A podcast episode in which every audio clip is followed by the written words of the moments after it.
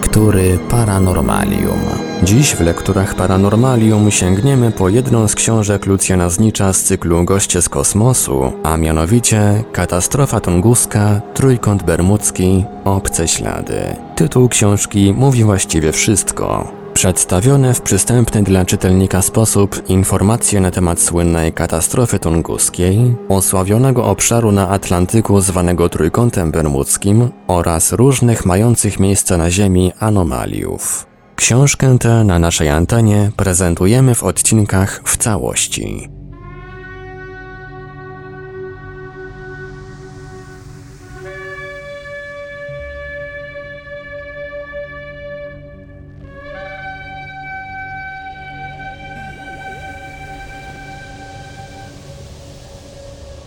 Ziemia nabita na dipole. W opublikowanym w czasopiśmie Saga artykule pod tytułem The Twelve Devils Graveyard Around the World amerykański geofizyk Ivan Sanderson doszedł do wniosku, że na całym naszym globie jest ich łącznie aż 12. Zresztą nie od razu ilość ich wzrosła aż do tej magicznej liczby. Pierwsze koncepcje Sandersona mówiły tylko o sześciu niebezpiecznych obszarach na naszym globie. Wszystkie one posiadały kształt elips i znajdowały się w wąskich pasach wokół naszego globu, pomiędzy 30 a 40 stopniem szerokości geograficznej północnej. Przy pewnej dozie tolerancji mogą się tu zmieścić zarówno trójkąt bermudzki, jak i diabelskie morze, oraz 30 a 40 stopniem szerokości geograficznej południowej. W toku dalszego rozwoju tej koncepcji liczba niebezpiecznych punktów na Ziemi wzrosła do 10. Wszystkie one zmieniły kształt na rąby i skoncentrowały się w pobliżu 36 stopnia szerokości geograficznej. Przy czym pięć z nich znalazło się na tej szerokości po północnej stronie równika, pięć dalszych zaś na tejże szerokości, ale po południowej stronie równika. Rozmieszczone są one regularnie nie tylko pod względem szerokości geograficznej, ale także pod względem długości. Każdy z pięciu rąbów jednej półkuli jest odległy od drugiego o 72 południki, przy czym układy obu półkul są przesunięte wobec siebie o połowę tej długości. W ten sposób 10 niebezpiecznych obszarów Ziemi, według Sandersona, powtarza się z obu stron równika co 36 południków. Z tym tylko, że raz obszar ten znajduje się w okolicy 36 równoleżnika na północ od równika, drugi raz zaś w pobliżu tegoż równoleżnika, ale na południe od równika. Aż w końcu całą swą hipotezę Sanderson ukoronował dodaniem jeszcze dwóch obszarów niebezpiecznych, zwiększając w ten sposób ich liczbę do 12, które umiejscowił również regularnie na siatce geograficznej Ziemi, mianowicie na biegunie północnym i południowym. Dzięki temu cały nasz glob został jakby poprzetykany raz po raz regularnie powtarzającymi się regionami, gdzie ze względu na jakieś tajemnicze, występujące tam zjawiska grozi człowiekowi szczególne niebezpieczeństwo. A nawet do tego doszli już kontynuatorzy hipotezy Sandersona, glob nasz nie jest wcale jakby poprzetykany, ale autentycznie przebity na wylot sześcioma dipolami, od greckiego dis dwa razy i polos biegun, które każdorazowo przechodzą przez geometryczne centrum Ziemi. Stwierdzenie to zresztą, jeśli weźmiemy pod uwagę fakt, że rąby Sandersona są regularnie rozmieszczone na siatce geograficznej, nie jest niczym niezwykłym. Większość tych wyodrębnionych obszarów, to już znów Sanderson, znajduje się na wodach leżących na wschód od wielkich mas kontynentalnych. Na akwenach tych bardzo często spotykają się prądy ciepłe z zimnymi, co powoduje szczególną nieregularność ruchów wód. Z reguły prądy na powierzchni wody płyną w przeciwnym kierunku aniżeli prądy głębinowe. Być może, iż właśnie te różnorodne zawirowania wodne odpowiedzialne są za obserwowane nad tymi obszarami wyraźne odchylenie temperatury powietrza i ciśnienia atmosferycznego, różnego rodzaju zakłócenia magnetyczne utrudniające komunikację radiową, a może nawet zaburzenia grawitacyjne, czy czasoprzestrzenne. Sanderson podkreśla jednak wyraźnie fakt regularnego rozmieszczenia tych obszarów na kuli ziemskiej, co według niego jest dowodem istnienia jakiejś nieznanej jeszcze fizycznej reguły związanej z naszym globem. I tak na półkuli północnej, poza powszechnie znanym już trójkątem bermudzkim i diabelskim morzem, Niebezpieczne rąby mieszczą się jeszcze ponadto w zachodniej części Morza Śródziemnego, w Zatoce Perskiej i na środkowym Pacyfiku, zaś na półkuli południowej, na wschód i na zachód od Australii, na południe od wyspy Pitcairn, u wschodnich wybrzeży Argentyny i na wschód od przylądka Dobrej Nadziei. Jeżeli jednak istotnie na całej kuli ziemskiej mamy aż 12 identycznych, jednakowo niebezpiecznych obszarów, dlaczego ludzkość zaalarmowana została dotychczas tylko dwoma z nich, mianowicie Trójkątem Bermudzkim i Diabelskim Morzem? Sanderson i na tę wątpliwość znajduje rozsądną odpowiedź. Liczba katastrof na każdym akwenie uzależniona jest przecież nie tylko od panujących tam warunków, ale także od liczby przepływających przez akwen jednostek. Niebezpieczne właściwości Trójkąta Bermudzkiego ujawniły się w całej pełni właśnie z powodu olbrzymiego ruchu, którego kontynuowanie opłacać musimy proporcjonalną doń liczbą tajemniczych katastrof. Na innych akwenach katastrofy zdarzają się oczywiście rzadziej, niemniej jednak sam relacjonowałem swego czasu całą serię tajemniczych wypadków, jakie spotkały francuskie okręty podwodne w zachodniej części Morza Śródziemnego, zaś wśród żeglarzy całego świata już od dziesiątków lat krążą legendy na temat niebezpieczeństw czyhających na obszarze ryczących czterdziestek mórz południowych. Ostatnio na korzyść tej hipotezy można jeszcze zapisać zupełnie niewytłumaczalny wypadek, jaki przydarzył się liniowemu samolotowi pasażerskiemu Korean Airlines w kwietniu 1978 roku. Prowadzony przez doświadczonego kapitana lotnictwa Kim Chang-yu, koreański samolot typu Boeing 707 wystartował z Paryża i znano już od 20 lat trasą lotniczą nad biegunem północnym, wyruszył w stronę stolicy Korei Południowej, Seulu. Zgodnie z przepisami międzynarodowymi, samolot ten dysponował dwiema niezależnymi kontrolami nawigacji: specjalnym żyroskopem tak zwanym Directional Gyro i doświadczonym nawigatorem, mającym już za sobą 77 lotów poprzez biegun północny, który co 20 minut na podstawie obserwacji astronomicznych korygował lot. Mimo to samolot w momencie zbliżania się do bieguna zupełnie nieoczekiwanie zmienił kurs lotu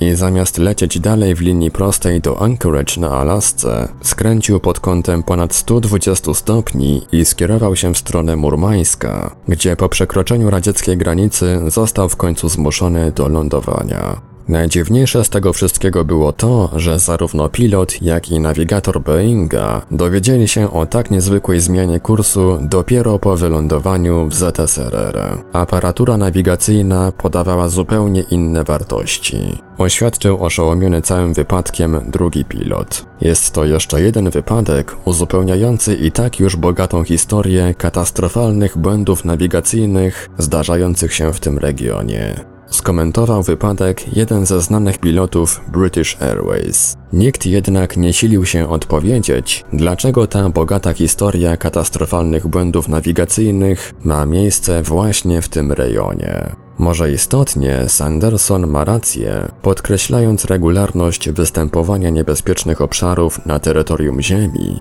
i sugerując, że chodzi tu zapewne o jakąś nieznaną jeszcze nam fizyczną regułę.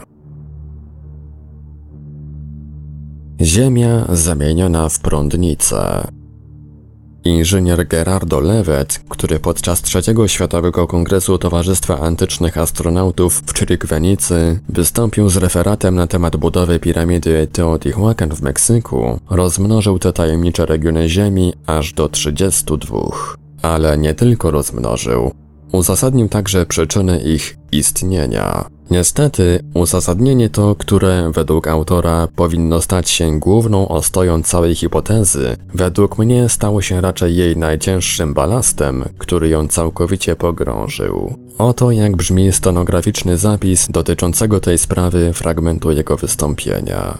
Wywód mój odnosi się głównie do piramidy Teotihuacan w Meksyku, i celu jej budowy. Aby zrozumieć funkcjonowanie i lokalizację tego rezonansowego ostrosłupa, musimy jasno zdać sobie sprawę z istnienia skomplikowanej sieci pól energetycznych na planecie, na której żyjemy. Moje badania są oparte na informacjach uzyskanych od pewnej grupy ludzi, którzy zapewniają, iż zostały one im przekazane przez istoty pozaziemskie, z którymi nawiązali kontakt fizyczny i przeprowadzili rozmowy. Nasza planeta Ziemia ma 32 elektronowe południki, czyli linie, które przebiegają na wysokości 19 km w atmosferze od jednego bieguna geograficznego do drugiego. Właśnie jeden z tych południków przebiega dokładnie nad piramidą Teotihuacan. Wyobraźmy sobie Ziemię jako olbrzymi wirnik kompletnej prądnicy, obracającej się wewnątrz stojanu utworzonego przez wiatr słoneczny i promienie kosmiczne oraz przez pola radioaktywne. Wirnik ten, obracając się, wytwarza wewnątrz i na zewnątrz atmosfery linie głównych strumieni prądu, czyli południki elektronowe, pola magnetyczne, prądy wirowe itd.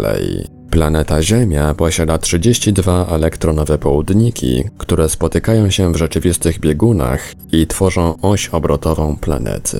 Południki te są liniami elektronów o szerokości mniej więcej 3 km, przebiegającymi w atmosferze na wysokości 19 km nad powierzchnią Ziemi. Tworzą one główne przewodniki wirnika tej olbrzymiej elektrycznej prądnicy, jaką stanowi nasza Ziemia. W wirniku prądnicy powstają prądy wirowe. To samo zachodzi w atmosferze Ziemi. W ten sposób rodzą się sporadyczne wiry, które dają początek pewnym zjawiskom trudnym do wyjaśnienia oraz formują bardzo krótkotrwałe magnetyczne soczewki. Skupiają one ogromne ilości energii, co może w niepojęty sposób spowodować natychmiastowe spalenie się lasu, samolotu, jakiegoś pojazdu, konstrukcji, a nawet ludzi. Byłem obecny przy jednym z tych przypadków, który zdarzył się bardzo blisko mnie. Podane informacje są, jak sądzę, wystarczające do wyjaśnienia dokładnej lokalizacji zarówno piramidy Teotihuacan, jak i innych wyjątkowych miejsc charakteryzujących się szczególnymi własnościami. Miejscami takimi są m.in. Mount Shasta w Kalifornii, Trójkąt Bermudzki, piramida Cheopsa, Potala w Tybecie, Wyspa Wielkanocna i temu podobne. We wszystkich tych miejscach zachodzą różne fenomeny energetyczne. Koniec cytatu. Może istotnie dla autora rozprawy podane informacje są wystarczające, tym bardziej, że zostały one przekazane przez istoty pozaziemskie.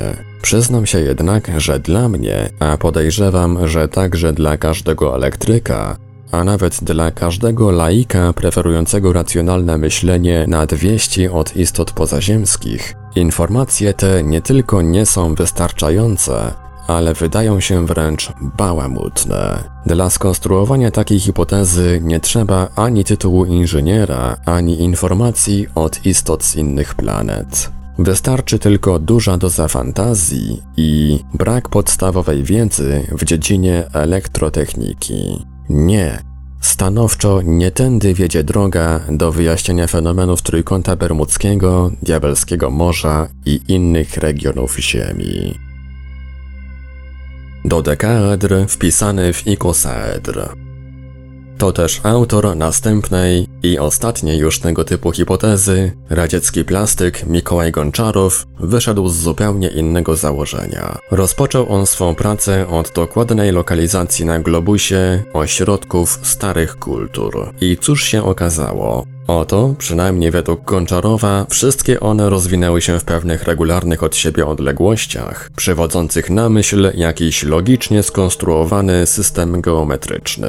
Ponadto Gonczarow natknął się jeszcze na zagadkową wypowiedź Platona, iż Ziemia, jeśli spojrzeć na nią z góry, podobna jest do piłki zszytej z dwunastu kawałków skóry. I oto już poczęła się rodzić nowa hipoteza. Kula ziemska wcale nie jest kulą, tylko dodekaedrem, czyli złożoną figurą geometryczną zamkniętą w 12 pięciokątnych ścianach. W tym stadium swoich rozważań Gonczarow zetknął się z dwoma inżynierami, Walerem Makarowem i Wiaczesławem Morozowem, którzy zwrócili słusznie uwagę, iż wszelkie osobliwości budowy naszego globu winien raczej wyznaczać rozkład bogactw mineralnych czy stref sejsmicznych niż zawiązków starożytnych kultur, które w najlepszym wypadku mogą mieć tylko wtórne znaczenie. Znów globus poszedł w ruch, ale tym razem okazało się, iż dodekaedr nie bardzo się zgadza z nowymi punktami orientacyjnymi i że bardziej im odpowiada podział całej kuli na 20 trójkątów ikosaedr.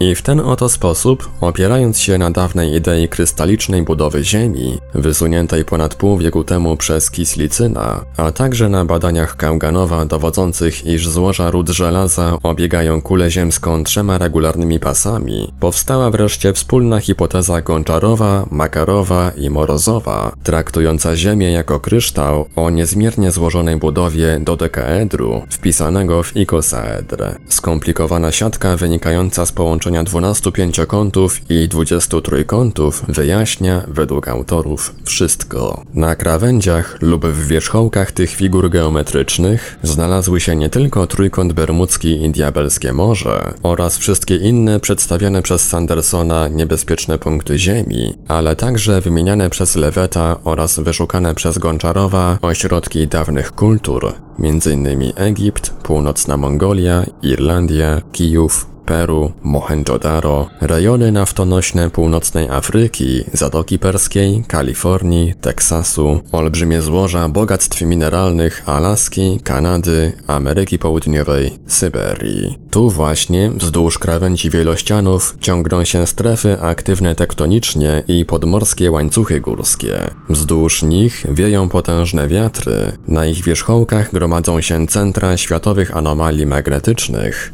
oraz maksymalnego i minimalnego ciśnienia atmosferycznego, rejony największego nasłonecznienia, a także gigantyczne zawirowania prądów oceanicznych, a nawet wzdłuż linii tej podwójnej siatki odbywają swe coroczne loty wędrowne ptaki. Ba, tylko czy ta olbrzymia ilość tak bardzo różnorodnych zjawisk jest dowodem za, czy też przeciwko hipotezie? Czy nie jest to przypadkiem zupełnie luźne zgromadzenie niczym nie wiążących się ze sobą faktów, których jedynym wspólnym mianownikiem jest sporadyczna zbieżność z siatką ustaloną przez trzech autorów? Można byłoby sobie jeszcze zadać pytanie, dlaczego ta zbieżność jest tak wielka, ale wystarczy spojrzeć na siatkę, by przekonać się, że oczka jej są tak małe, iż właściwie przy odpowiednio obszernym zakresie zjawisk zawsze musi coś w nią trafić. Nie dajmy się przynajmniej my w nią złowić.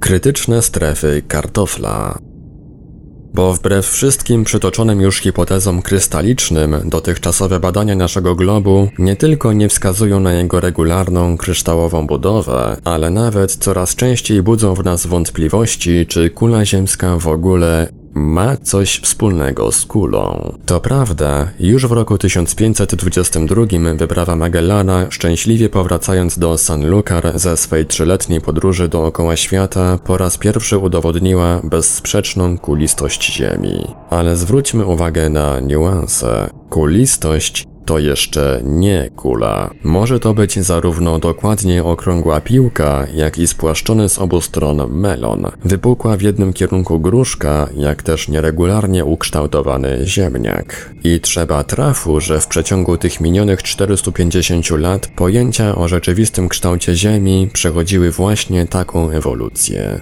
Z początku więc, już w wieku XVIII udało się stwierdzić, że promień Ziemi mierzony od jej środka do któregokolwiek z biegunów jest o 21 318 km krótszy od tegoż promienia mierzonego w płaszczyźnie równika. Glob nasz przestał więc być idealną kulą, a stał się spłaszczonym melonem. Geofizycy nazwali to uczenie elipsoidą-obrotową. Potem przyszła kolej na nieregularność w ukształtowaniu obu biegunów.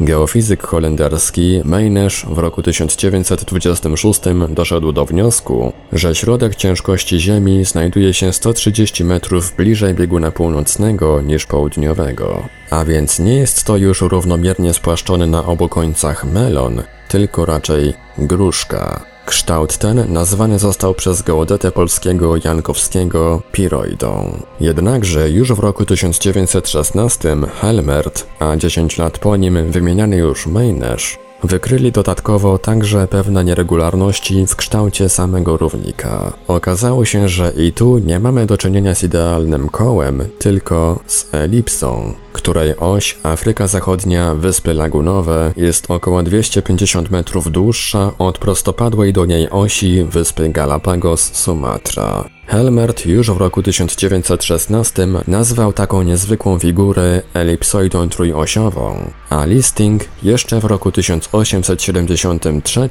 po prostu geoidą, czyli figurą geometryczną o kształcie Ziemi. Te raczej teoretyczne pomiary po raz pierwszy zostały skorygowane praktycznie w październiku 1962 roku, kiedy wystrzelono satelitę, który co pewien czas błyskał dwiema ksenonowymi lampami o łącznej sile światła 8 milionów watów. Dokonywane z Ziemi zdjęcia tych błysków pozwoliły ustalić dokładny kształt równika. Różnica między jego dłuższą i krótszą osią wyniosła już 450 metrów. Ale i na tym nie skończyły się ułomności kompromitujące idealną, kulistą budowę Ziemi. Od kilku lat krążące wokół naszego globu amerykańskie satelity typu GEOS raz po raz odkrywają coraz to nowe, mniej lub bardziej wyraźne odchylenia od w miarę regularnej bryły elipsoidy trójosiowej. Pierwszą sensacją stały się dziwne wklęśnięcia oceanów, rzędu 25 metrów. W marcu 1978 roku skorygowanego nawet na 60 metrów w basenie północnoamerykańskim Atlantyku, a więc w okolicach Trójkąta Bermudzkiego oraz pośród Pacyfiku 3200 km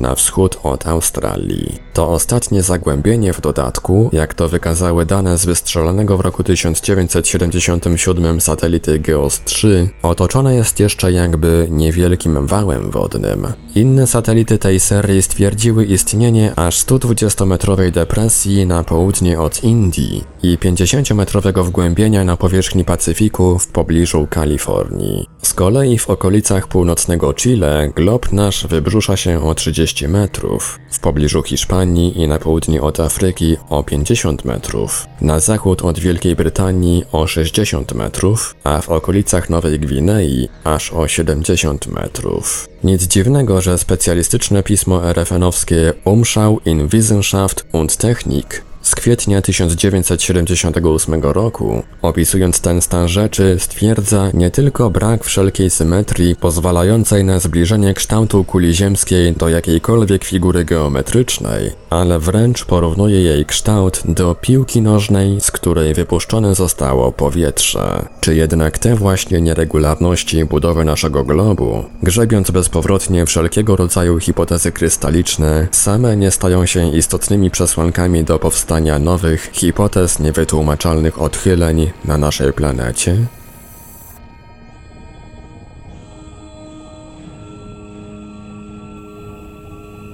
W Radiu Paranormalium zaprezentowaliśmy fragment książki Lucjana Znicza Katastrofa Tunguska, Trójkąt Bermudzki, Obce Ślady. Dalszy ciąg w kolejnym odcinku Lektur Paranormalium.